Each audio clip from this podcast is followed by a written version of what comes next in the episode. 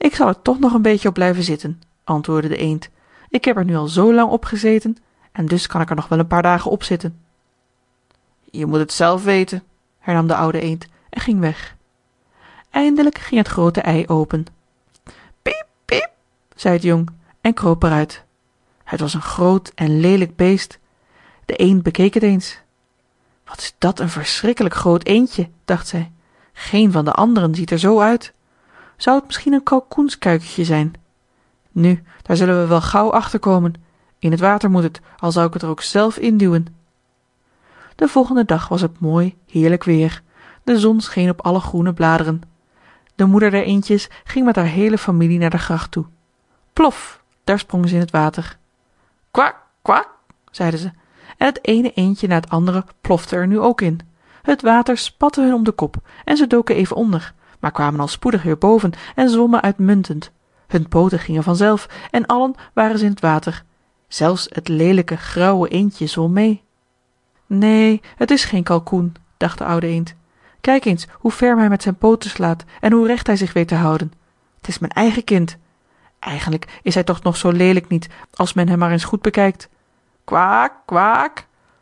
Ga maar met mij mee. Dan zal ik je in de groote wereld brengen en je in de eendenkooi voorstellen maar zorgt dat je dicht in mijn nabijheid blijft en neemt je voor de kat in acht.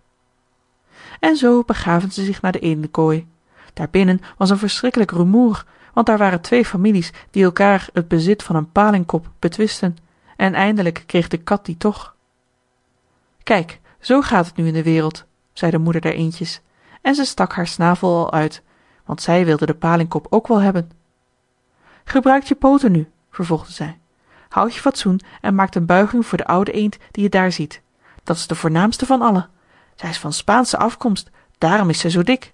En zie je wel ze heeft een rood lapje om haar poot. Dat is iets heel moois en de grootste onderscheiding die een eend te beurt kan vallen.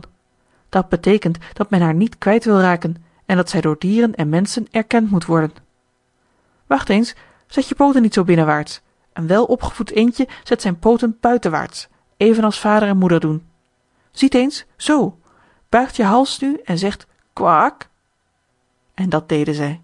Maar de andere eenden in de rondte bekeken ze en zeiden tegen elkaar kijk eens nu moeten wij nog wat aanhangsel krijgen alsof we al niet talrijk genoeg waren. En foei wat ziet dat ene eendje er uit dat willen we hier niet hebben.